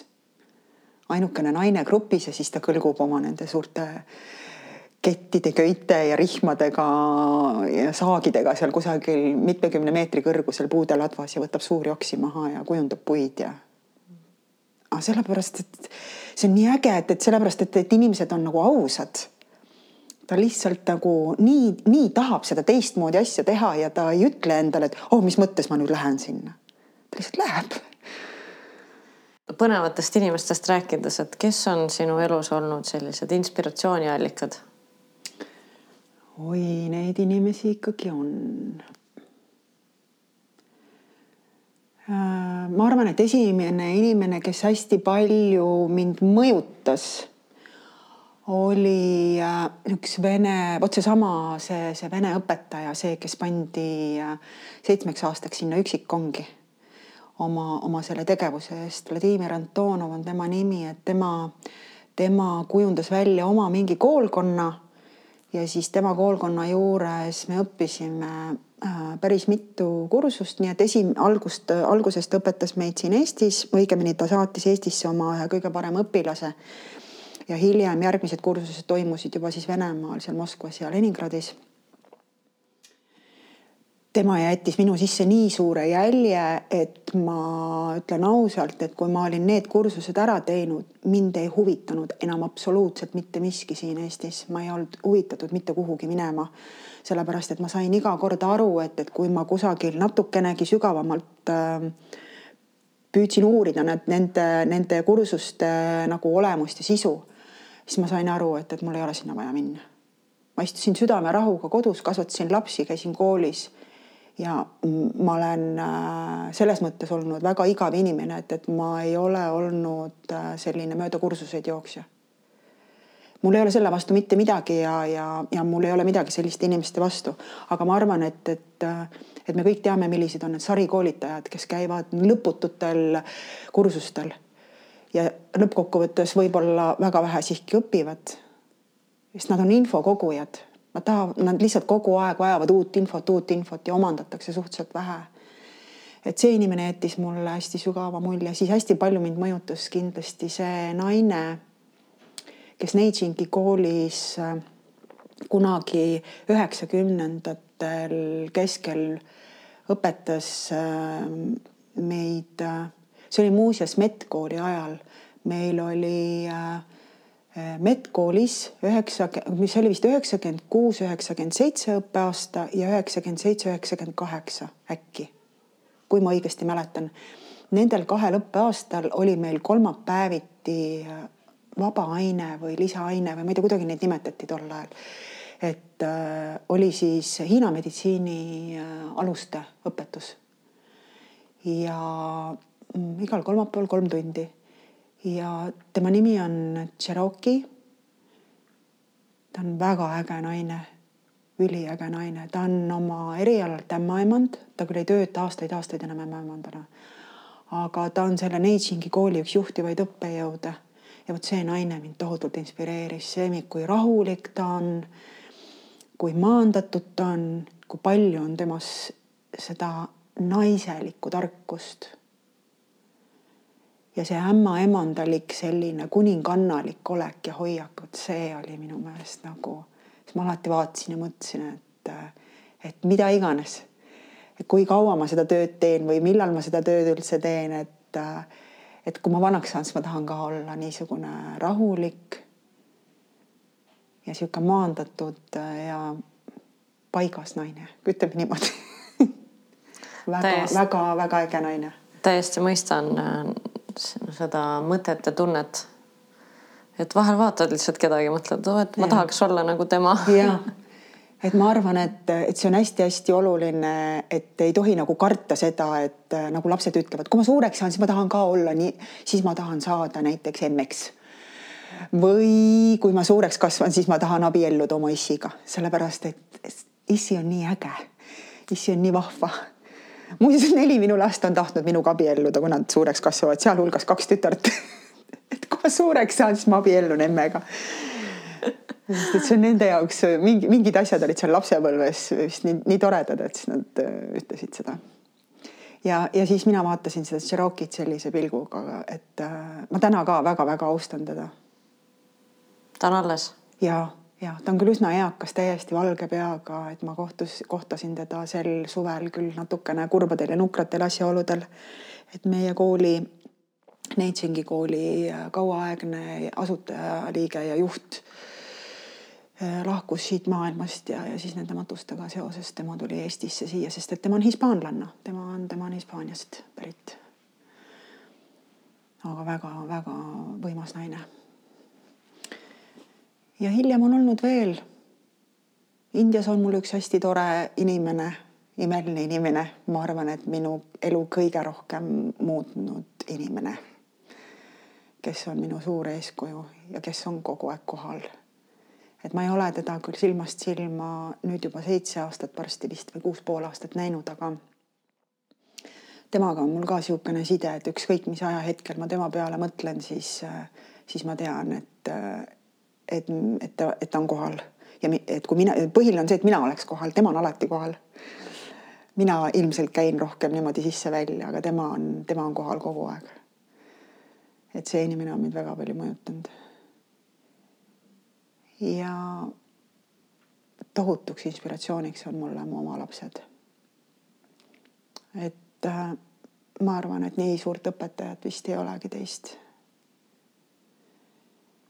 et äh, nad on äh, viiekesi küll kõik minu lapsed, aga nad on täiesti erinevad väga-väga erinevad. ja nad on parasjagu tugevad isiksused kõik. igaüks veab nagu oma vankrit täpselt selles suunas, kuhu tema tahab vedada. Nad kõik on mind erineval moel trigerdanud ja erineval moel kuidagi proovile pannud. et mul ei ole nagu ähm, kogu see aeg, mis nagu lapsi oli vaja nii-öelda nagu kasvatada, noh jutumärkides. et mul ei ole olnud kunagi nagu igav et kogu aeg nad on hoolitsenud selle eest, et mul ei oleks kunagi igav. mulle tundub sind kuulates ja vaadates üldse täiesti võimatu, et sul oleks kunagi igav. aga mul ei olegi kunagi igav mõni inimene on lihtsalt selline natuur ei no aga päriselt ka, kusjuures ma kohutavalt armastan üksi olla. ma väga armastan üksi olla. ja täna on mul nüüd niisugune aeg äh, minu ellu jõudnud, kus kõik lapsed on täiskasvanud ja, ja sellist igapäevast kokkamist enam ei ole ja, ja pidevat sellist äh, nunnutamist, et äh, kõik, kõik elavad rahulikult oma elu, ega ma niisugune väga kanaema tüüp ei ole. ma ei sekku väga oma laste eraellu, et, et ma suhtlen kõigiga olen kõigiga ühenduses ja, ja, ja me lävime päris tihti, aga me igapäevaselt ei, ei äh,, ei sekku üksteise ellu ja, ja ma väga naudin üksinda olemist, sest see kunagi selle, selle läbipõlemise aegadel omandatud harjumus näiteks äh, pikki kõnnakuid teha, et see on siiamaani alles. et talvel küll päris ei õnnestu iga päev aga suhteliselt tihti ma teen ikkagi päris, päris pikki kõnnakuid, kõndimisi. ja see on hiigelhea aeg vaata üksinda olemiseks ja siis aeg-ajalt peab olema vaikne ümberringi. ma ei vaata televiisorit aastaid juba. et mul on küll, ekraan on siin toas, aga, aga, aga televisiooni seal sees ei ole et ma vahest harva ühendan ta arvutiga ja vaatan võib-olla mingit Youtube'ist mingeid loenguid või asju, et siis on lihtsam jälgida kui kuskilt väiksest ekraanist, aga telekat ma ei vaata päris kaua aastaid juba. kas sa kõnnid vaikuses? enamasti, enamasti. ma hakkasin kõrvaklappe kasutama umbes aasta tagasi, sest mu lapsed olid kõrvaklapid alati ära tõmmanud, et kui ma telefoni ostsin uue, et siis klapid läksid neile alati ja siis ma hakkasin kuskil aasta tagasi esimest korda elus kõrvaklappe kasutama. ja seda selleks, et näiteks lindistada mere ääres, kuidas meri kohiseb või kuidas metsas tuul puhub, siis tuled koju, siis kuulad kõrvaklappidest sedasama merekohinat ja tuule puhumist. muusikat kuulan ka tegelikult, et mul hästi seinast seina muusikat äh, kuulan, sõltub meeleolust ja seda, mida ma parasjagu iseendas ka nagu tasakaalustada tahan, et nii äh, põnev on sind kuulata. ja võiks pikalt, pikalt-pikalt vestelda sellest, kuidas sa maailma näed, see on nii äh, äh, kuidagi. ma ei tea, selline hea ja rahulik pilk tundub olevat sul maailmale. aga mind ikkagi huvitaks veel see ämmaemanduse ja Hiina meditsiini seos sinu tänapäevatöös et kuidas sa praegusel hetkel oled näiteks seotud äh, lapse ootusega? vaata, kui vanasti minu ämmaemanda töö algas sellega, et naine oli saanud rasedaks ja siis ta tuli, võttis ennast arvele. siis, siis algas minu töö ämmaemandana. täna ma tunnen, et minu ämmaemanda roll äh, lõpeb sellega, kui naine saab rasedaks. sellepärast, et ähm, väga paljude naiste jaoks see on suhteliselt keeruline teekond selleni jõuda. et see lapsekene siia ilma hakkaks tulema tema jaoks. päriselt füüsiliselt ka. ja, ja siis nad tulevad, otsivad mind üles äh, siis, kui neil on probleeme selle, selle teemaga. täna nad kahjuks jõuavad veel enamus nendest siis, kui neil on juba suhteliselt suur kadalipp selja taga, ehk siis mitmed kat-, katkemised või, või IVF-id ei õnnestu või siis nad jõuavad ja ma ei saa ka öelda, et, et kõigiga sada protsenti õnnestuks see ka pärast. et kindlasti mitte. aga ma püüan anda oma parima. mis sa siis teed või kuidas sa toetad äh, naist äh, sellel hetkel, kui tal on näiteks olnud mitu katkemist ja ta jõuab sinu juurde? ämmaemandana ja naisena tajun seda, et katkemisest, raseduse katkemisest tegelikult räägitakse väga vähe. et see on selline teema nagu ühiskonnas, et ähm, noh, selline nagu saladus ja selline, et vahel naised isegi tunnevad piinlikkust ja neil on, tekivad üle selle nagu mingid psüühika äh, probleemid, et ähm, kuidas sina toetad ähm, neid naisi, kes siis sinu juurde jõuavad? tead, see on väga tore, et sa seda küsid, sellepärast et inameditsiini seisukoht selles küsimuses on tegelikult äh, väga karm. ja see äh, ja see põhineb sellele, et ähm, näiteks mm, hinnatakse pigemini olulisemaks mõjutajaks varast katkemist ehk siis esimese trimestri katkemist, kui naine tegelikult juba teab, et ta on rase ja selle, see, see lapsakene on seal kasvanud niisugune kuus nädalat, seitse nädalat kuni seal siis kümme. ja kui see rasedus siis nagu peetub ja vaikseks jääb. selline raseduse katkemine võtab ära kogu selle sisemise jõu sealt emakast ja teeb ta, teeb platsi nii-öelda puhtaks see võib kõlada natukene kummaliselt, et äh, ma ei räägi siin psüühilisest praegu, ma räägin puhtalt ainult nagu füüsilise tasandi energiast. see mõjutab naist rohkem, kui mõjutab see rasedus, mis on kestnud seal näiteks äh, natukene alla kahekümne nädala ja siis mingil põhjusel on katkemine või tuleb teha näiteks meditsiinilistel näidustustel abort ja see põhjus on tegelikult selles, et, et selle esimese trimestri raseduse eest vastutab ainult üks kindel energialiik ja see on seotud naise enda eluenergiaga. ehk siis see on neerudega seotud energia. aga hilisem rasedus on juba seotud ka teiste süsteemidega, ehk siis sealt tuleb toetust mujalt ka juurde ja see ei ole ainult seotud naise eluenergia ja naise, naise neerudest tuleneva substantsiga. ja kui nüüd see esimese trimestri rasedus katkeb, siis tõmmatakse seal plats nii-öelda puhtaks. ja ma arvan, et, et seda nüüd tänapäeval on päris palju räägitud, et äh, neerud on seotud hirmutundega. ehk siis neerud on, neeruenergia on üks kõige ürgsema energia väljendusi meie kehas. ja äh, kui neeruenergia jääb hästi madalaks, siis sellega kaasneva, kaasneb hirmutunde suurenemine mis algselt on ju ainult ärevus. ehk siis kõik need asjad, mis meil praegult ühiskonnas toimuvad, depressiooni suurenemine, ärevushäirete suurenemine, see on tohutult palju seotud neeruenergiaga. me oleme kurnatud, me oleme ära väsitatud. me jagame ennast miljonisse kohta, jagame ära oma energiat ja siis jääb väheks ja siis me hakkame kogema teinekord täiesti isegi ilma reaalse põhjuseta hirmutunnet, mida me kutsume täna ärevuseks või siis meil tulevad selles seisundis hästi imelikud mõtted pähe ja me hakkame kartma mingeid asju, mis võib äkki juhtuda, aga mida, mida tegelikult ju juhtunud veel ei ole.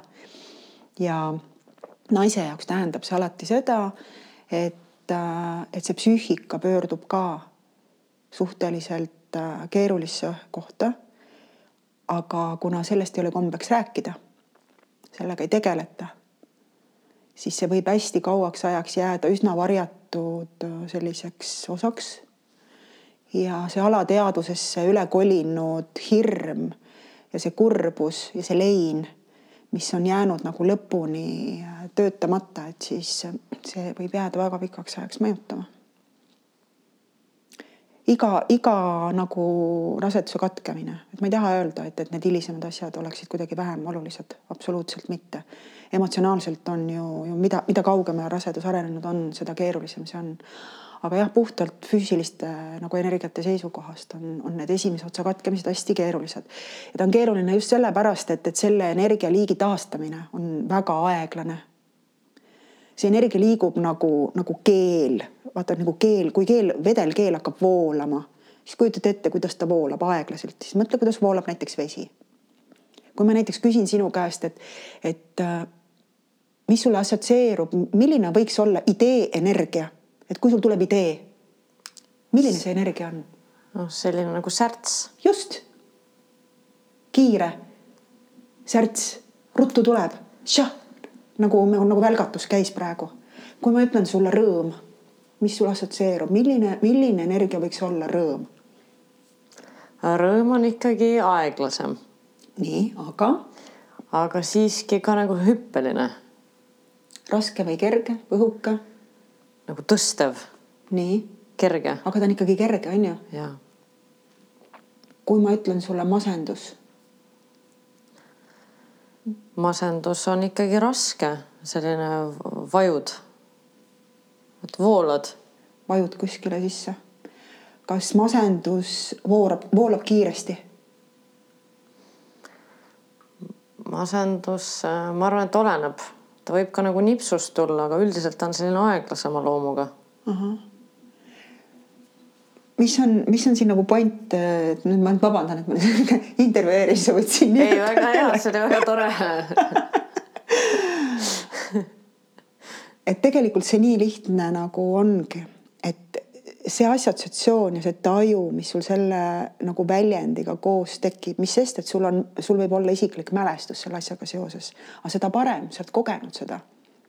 sinu energeetilises süsteemis, sinu väljas on selle asja kogemise teave nagu olemas, sa tead, mismoodi see tundub või kuidas, mis tunne see on, kui sul on masendus. see on hästi aeglane, mida madalam võnge seda aeglasem ta on, see laine pikkus on hästi aeglane ja siis ta ei liigu kiiresti. kõik see, mis on hästi kiire, see on ka hõredam ja see liigub hästi nagu kergelt. ja, ja kui me nüüd läheme sellesse madalasse võnkesse, siis sellel on ka hästi tugev magnetismi jõud. madal võnge, raske võnge hästi tugev materiaalsus on sellega koos. Äh, siis me oleme sellised rasked. ja, ja selleks, et sellest välja tulla, siis tuleb seda, seda energiat lihtsalt muuta, see tuleb ümber transformeerida, aga nüüd selle energia uuesti kehasse nagu toomine, see nii-öelda äh, hiina keeles nimetatakse seda energiat äh, džingiks. ja see džing-dži on selline aeglane ta on natuke nagu keeljas ja selle kohta öeldakse niimoodi, et see on täiesti vahetu energia nagu mittemateriaalsest maailmast materiaalsesse maailma üleminekuks. ja selle energia nii-öelda funktsioonid on pärilik aspekt, ehk siis ta kannab, kannab pärilikku informatsiooni, soo jätkamine, seksuaalenergia kui loomeenergia ehk siis loomisenergia, seksuaalenergia, mitte seksi mõttes et see on, see on, siin tuleb natukene nüüd nagu mõistust laiemalt äh, nii-öelda avada, et, et see ei ole, seksuaalenergia ei tähenda seksi, seksuaalenergia on loomisenergia ja selle, selle liikumine läheb sinna sisse. ja see on kõik see, mille pealt me siin materiaalses maailmas äh, üldse midagi tekitame ja loome, mitte ainult ei, ei loo lapsi, vaid loome ka kõike muud. nagu näiteks, ma ei tea, ehitan maja või maalin pilti mis iganes teen. kui ma siis nüüd äh, õigesti äh, sinust aru saan, et äh, sa aitad tasakaalustada neid energiaid, mis on.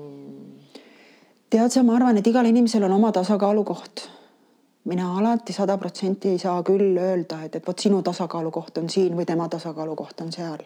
et see on iga inimese enda ära tunda. aga kui inimene esimene kord mu juurde tuleb, siis vaata, kui meditsiinis me ütleme, et me koostame haigusloo ja siis me hakkame koguma anamneesi ja, ja, ja, ja siis sinna pannakse kõik asjad kirja ja siis kui patsient haigest läheb välja, siis me kirjutame epikriisi ehk siis koondi sellest, mis, mis, mis seal ravis temaga tehti, siis mina ikkagi kutsun seda lugu nii-öelda, mida ma koostan patsiendi elulooks, et ma ei, ei sukeldu ega sekku tema absoluutselt intiimsesse eraellu, kui ma seda elulugu kogun aga mind kindlasti huvitab näiteks see, et kellena inimene on töötanud, mis iseloomuga tööd ta on teinud, millised on laias laastus tema mingid, mingisugused lähi, lähiringkonna suhted et seal jälle mul ei ole olulised mingid tema detailid, aga mul on oluline nagu mõista ja aru saada, missuguste tegevuste peale ja millises vormis inimene kulutab oma igapäevast energiat, kuhu ta paneb oma ressursi. sest kui ta täna on selles olukorras, kus ta täna on, siis kui ta tahab, et ma tema, teda nagu toetaks ja teda, teda aitaks, siis minu jaoks on oluline, et ma pean ju aru saama ja lõpuni ära tunnetama, mil viisil ta oma elu äh, energiat kulutab. ja sealt tuleb siis äh, see vajadus nagu tunda muude asjade vastu ka huvi, kui ainult tema haiguste anamneesi vastu. sest energiat, äh, see disbalanss või see, et, et, et asjad ei ole kooskõlas ja ei ole piisavalt tasakaalus, et see inimene tahab ju hästi ennast tunda. et siis selle tasakaalutuse liigutamise jaoks on see oluline, see info kuna meil siin see viimane teema oli, et raseduse katkemine, kas sul oleks ka mõni nipp naistele, kellel on rasedus katkenud? kuna tegemist on selles olukorras kindlasti hästi suure tühjusega, selle, selle energiatühjusega, siis naiste jaoks on hästi oluline, et nad mõistaksid, kuhu nad annavad kõige suurema hulga oma energiast kuhu nad annavad paratamatult energiat, kuhu, mida nad väga palju muuta ei saa. ja kuhu nad annavad vabatahtlikult energiat, aga nad lihtsalt ei teadvusta endale, et antakse energiat sinna ära sest esimene asi, enne kui hakata midagi taastama, sul ju kogu aeg tegelikult energia on olemas, kui energiat üldse ei oleks, siis me oleksime surnud, siis keha ei toimi. siis me oleksime kuskil teises maailmas aga kui me oleme, kuna me liigume siin materiaalses maailmas, siis järelikult meil ikkagi energia on olemas, aga meil on defitsiit lihtsalt. nüüd tuleb esimese asjana mõelda, kuhu see lekib või kuhu me rohkem välja anname, anname, kui me peaks andma e,. hästi tähtis koht on mõista, et üks suurimaid selle energia äraandmise kohti on menstratsioon. ehk siis see on äh, tsükkel, kus valmistutakse uue elu alguseks, aga uut elu ei tekigi, ehk siis rasedust ei teki mis iganes põhjusel, ei peagi ju tekkima. naine kogeb oma elus nelisada pluss menstratsiooni kogu fertiilse ea jooksul ja vaatamata sellele, et rasedust ei teki, menstratsiooni selle tsükliga antakse ära väga suur hulk äh, eluenergiat. seda muuta naine ei saa, see, see peab olema, vastupidi, see peab olema hästi korrektne, see peab olema järjekindel, see peab olema äh, regulaarne. Hiina meditsiin näiteks on palju rangem kui lääne meditsiin. Hiina meditsiinis ei eksisteeri, et menstruatsioon, menstruaaltsükkel on seal näiteks kakskümmend kuus kuni kolmkümmend kuus päeva või, või äh, kakskümmend neli kuni kolmkümmend kuus päeva. Hiina meditsiin ütleb, et äh, ta võib olla kakskümmend kuus kuni kakskümmend kaheksa päeva, aga siis olgu iga kord kakskümmend kuus kuni kakskümmend kaheksa päeva. et kui ta on kolmkümmend neli päeva, siis olgu kogu aeg kolmkümmend neli päeva sest mida regulaarsem, seda suurem tõenäosus, et asjad toimivad, see on lihtsalt konkreetse naise individuaalne eripära. tähtis on see täpne tsükkel, täpne kordus. et siis on efektiivsus selle asja taga. nii, menstruaaltsükkel, see tuleb kõigepealt korda teha, et asjad ei kõiguks, et seal ei oleks kogu aeg mingisuguseid jamasid, et seal ei oleks noh, premenstruaalne sündroom näiteks kui palju naisi sa tead, kellel seda ei ole? vähe mina ka. enamikel on see ja väga tugev ja mida, mida aeg edasi, siis minu meelest äh, sellest on saanud nagu mingi uus normaalsus. Sellest räägitakse nii, nagu see, see olekski nagu, nagu, nagu normaalne. et naised peavad niimoodi valutama, et, et nad ei pääse isegi, ma ei tea, kaks päeva ei lähe tööle või ei lähe sõpradega suhtlema, sellepärast et aa, mul on täna päevad, algasid. see ei ole okei okay. menstratsioon peaks tegelikult algama iga naise jaoks. lihtsalt algas. said teada siis, kui algas.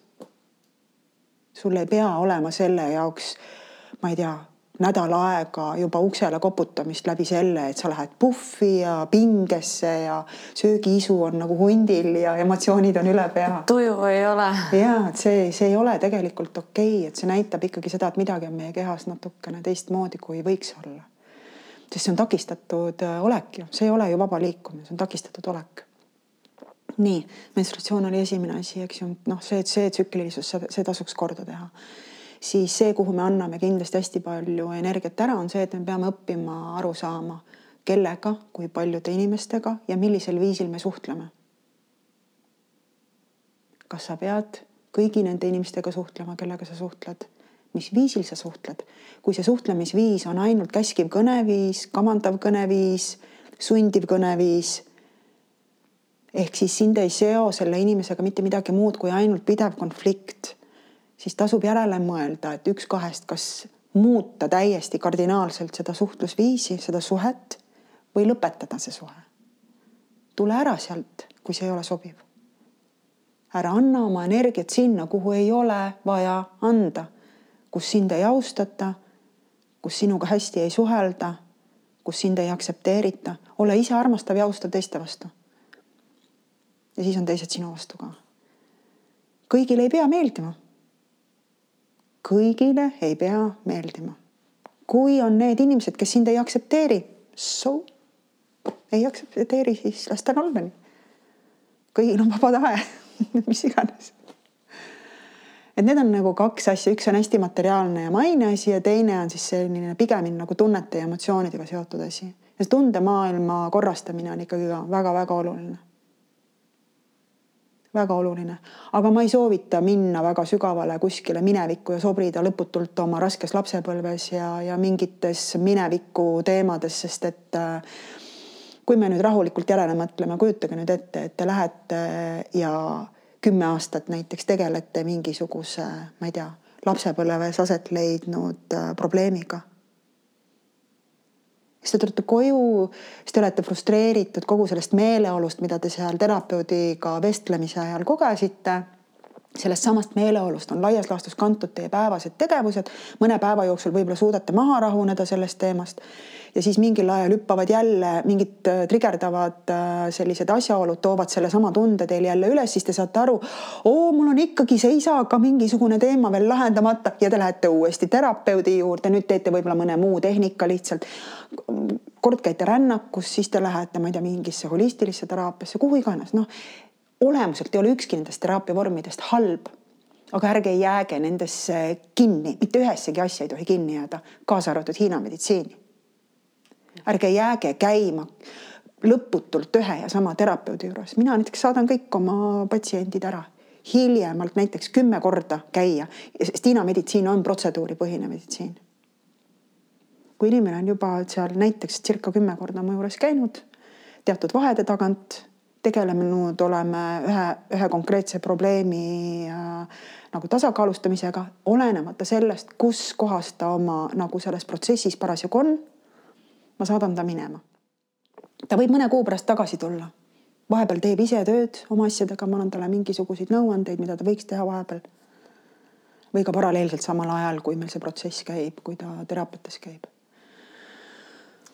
kas sa saaksid äh, lühidalt äh, jagada mõtteid, kuidas eestlastele sobib üldse Hiina meditsiin? ma arvan, et oma olemuselt ta sobib, sellepärast et me oleme loodusrahvas eestlastele tegelikult on täiesti omane selliste loodusega seotud teraapiavormide kasutamine. alustades suitsusaunast ja ma ei tea, angervaksateest või millest iganes.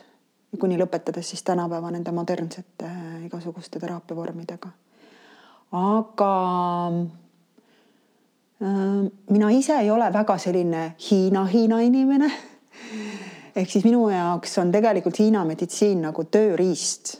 ma kasutan nõelravi kui tööriista. et ma ei ole selline väga vinge vanades traktaatides ninapidi tuhnija ja hiinakeelsete mingite väljendite valdaja. tunnistan ausalt, et ma isegi päris palju, enamus võib-olla isegi öelda punkte, mille nimesid ma hiina keeles peast küll ei oska öelda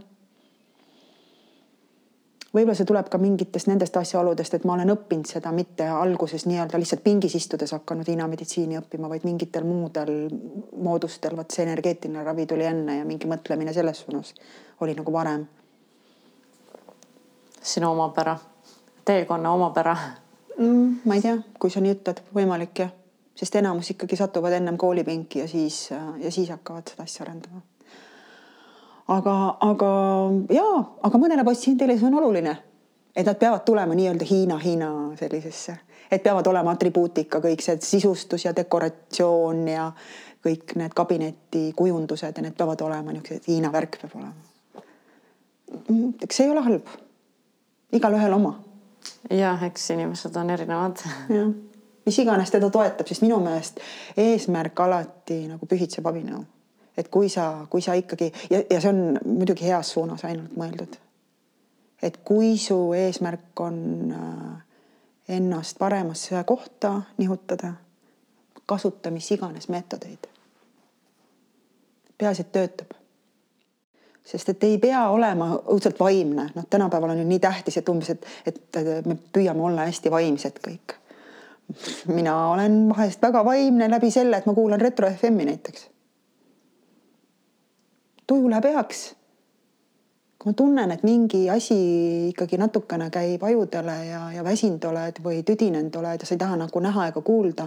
ja kui see on natukene veel negatiivse sisuga ka ja sa tunned, et see nagu kleebib sulle lausa külge, see mingisugune meeleolu, et nagu keeruline on lahti saada, no ma ei tea. ma vahest ütlen naljaga pooleks oma patsientidele, et kui te muidu ei saa, võtke Youtube lahti, vaadake kassivideosid. kohe läheb tuju rõõmsaks mina kuulan siis täitsa sellist jumala mingi üheksakümnendate diskomuusikat näiteks. ma ei tea, Spice Girlsi või midagi muud taolist. tantsid omaette või, või mida iganes. lihtsalt kasutage ära kõik võimalused, kuidas oma meeleolu tegelikult nagu mitte liiga kauaks sinna auku jätta, sest et ma arvan, et see on nagu kõige põhilisem. me armastame nii kohutavalt seda oma depressiivsust ja seda see on nagu mingi in-värk natukene. Et kui sa oled nagu selline tiip ja eksistentsiaalne ja raskes meeleolus, et siis sa oled nagu, nagu jube, jube tegija, sa oled hästi vaimne. Ja et sellest heaolust, äh, eks ole, nagu sõltub see, äh, kuidas, kuidas meil läheb elus või, et kuidas me iga päev valime neid asju, mis meid panevad oh, hästi tundma. loomulikult sul on ju kogu aeg, iga hetk sul on valida, kas ma võtan selle või võtan ma teise. sa tulid täna siia, sa võtsid kaasa need kaks ekleeri. kuidas sa valisid, miks sa valisid? sellepärast ühte sa olid enne söönud, see sulle maitses, see oli, see on sinu meelest kõige parem. ja see teise ma võtsid sellepärast, et, et seda sa ei olnud mitte kunagi veel ostnud, aga sul ju, sa olid uudishimulikat, sa tahad ise ka teada. on ju? selgus, et see, mis ma enne olin maitsnud, oli ikkagi parem. oli veel parem ikkagi aga mida iganes, sa olid saanud ka oma uudishimu ära rahuldatud ja, ja magus oli nii ehk naa, on ju elu peabki magus olema. nii äh, tore äh,, toredad mõtted ähm,, palju, mille peale mõelda. nii, aga kui sa saaksid ikkagi linna peale panna ühe suure plakati, siis mis sa kirjutaksid sinna? tead, ma saan aru, et see kõlab nagu jube klišeena, aga aga, inimesed armastavad klišeesid, kas sulle ei tundu ilmselt, sest tundub, et ikkagi need reklaamid ikkagi vist töötavad või? mis sa siis kirjutaksid? ma ei tea, a la alusta iseenda armastamisest või midagi selles vaimus. sest et äh, noh, ükskõik kui palju ma olen nagu äh, ka iseenda jaoks vaadanud neid asju, et äh, nii kaua, kuni me ei ole õppinud iseendas selgeks, et mis on, mis on see hea, mis on minu jaoks hea, mis on minu enda jaoks hea. ja see ei ole isekas, see ei ole ego, see ei ole egopõhine enda armastamine. vahest ei saa ka näiteks mu patsiendid aru, kui ma soovitan seda ja siis ma toon neile selliseid näiteid, et mõtle, et, et kui, kui sa sööksid praegu iga päev kilo viinamarju ja tahvli annekese šokolaadi õhtuga. et kas see on sinu jaoks hea?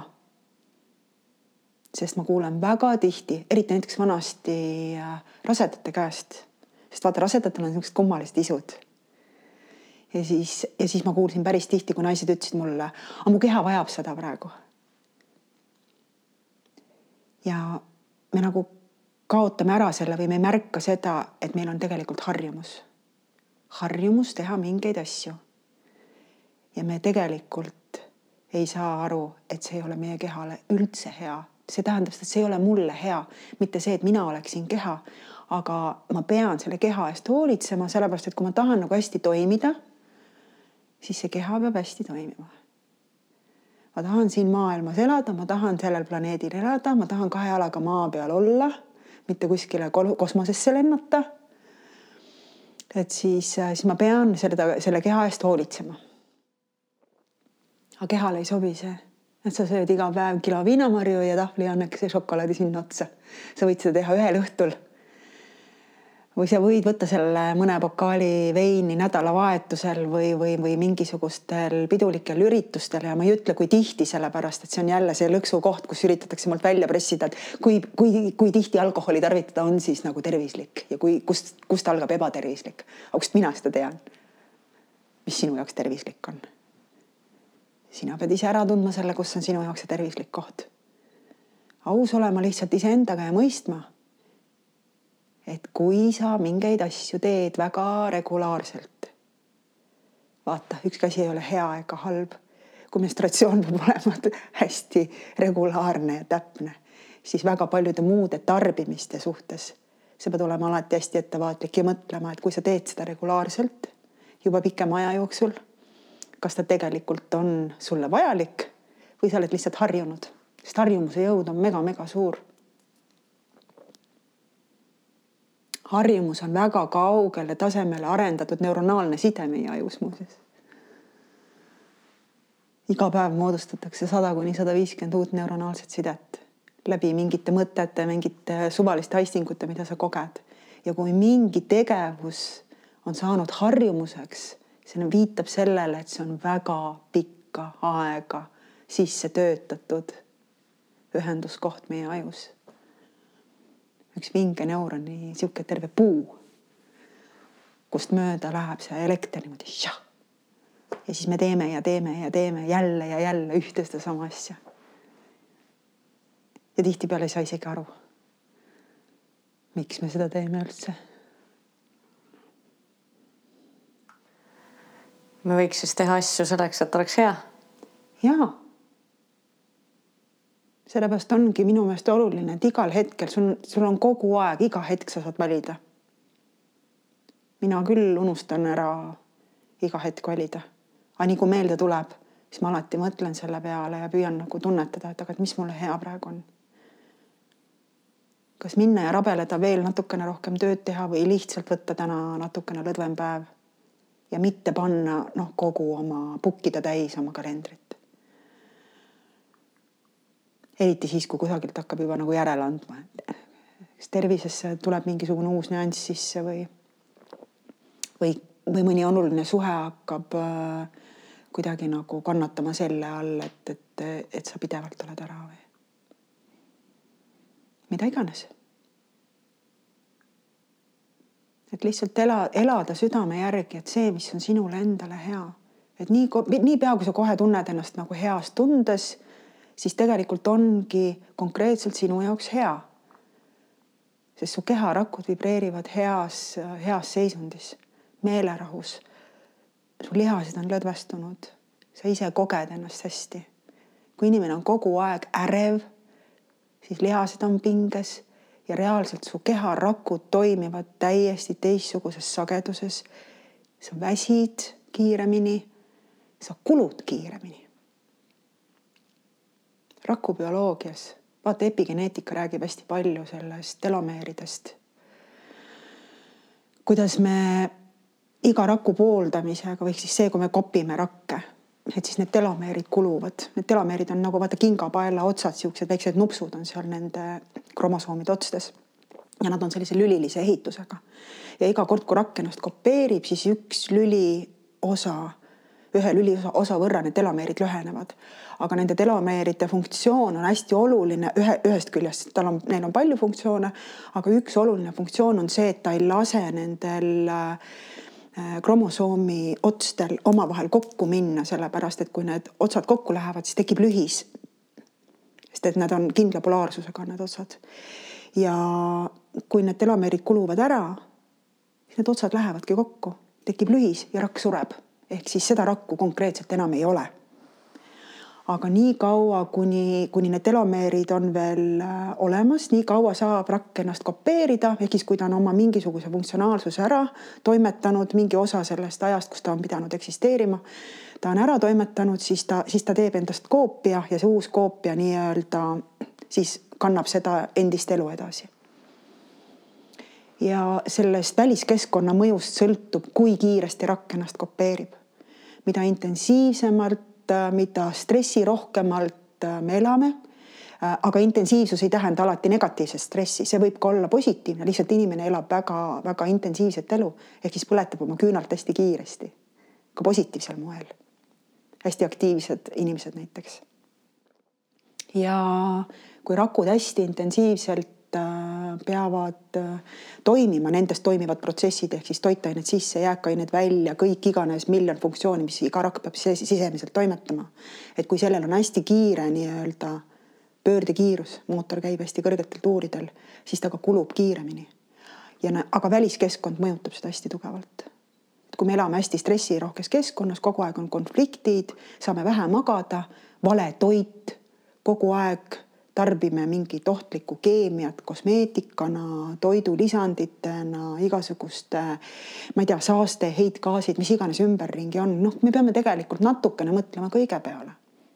aga mida positiivsemas meeleolus me oleme ja, ja see peab olema siis loomulik positiivsus, mitte mingite ainetega saavutatud positiivsus. et see aitab nendel rakkudel püsida. keha on tervem aitäh sulle, Kai, et äh, nii pikalt äh, jagasid äh, äh, mingeid mõtteid, rääkisid niimoodi üksikasjalikult lahti. et saaks paremini mõista mingeid nüansse, mida võib-olla meie siin kiires maailmas lihtsalt kuidagi elame, proovime kuidagi ära elada, vahepeal on niisugune tunne. et aitäh sulle, et äh, viisid tähelepanu ähm, sellistele lihtsatele asjadele, et sulle ka suur tänu. ja et väga tore oli su lugu kuulata ja ütle veel korraks, et äh, kus sa töötad ka praegu täna ma teen koostööd Tervise Alkeemiaga. doktor Rene Pürkland kutsus mind enda kampa nii-öelda. et väga toredad inimesed ja hästi armas koht et tunnen ennast väga hästi, et ma olen väga pikki aastaid üksi töötanud ja nüüd on siis jälle seltskond ümberringi, et. väga tore, aitäh sulle jagamast ja olemast. sulle ka suur tänu ja aitäh kuulajatele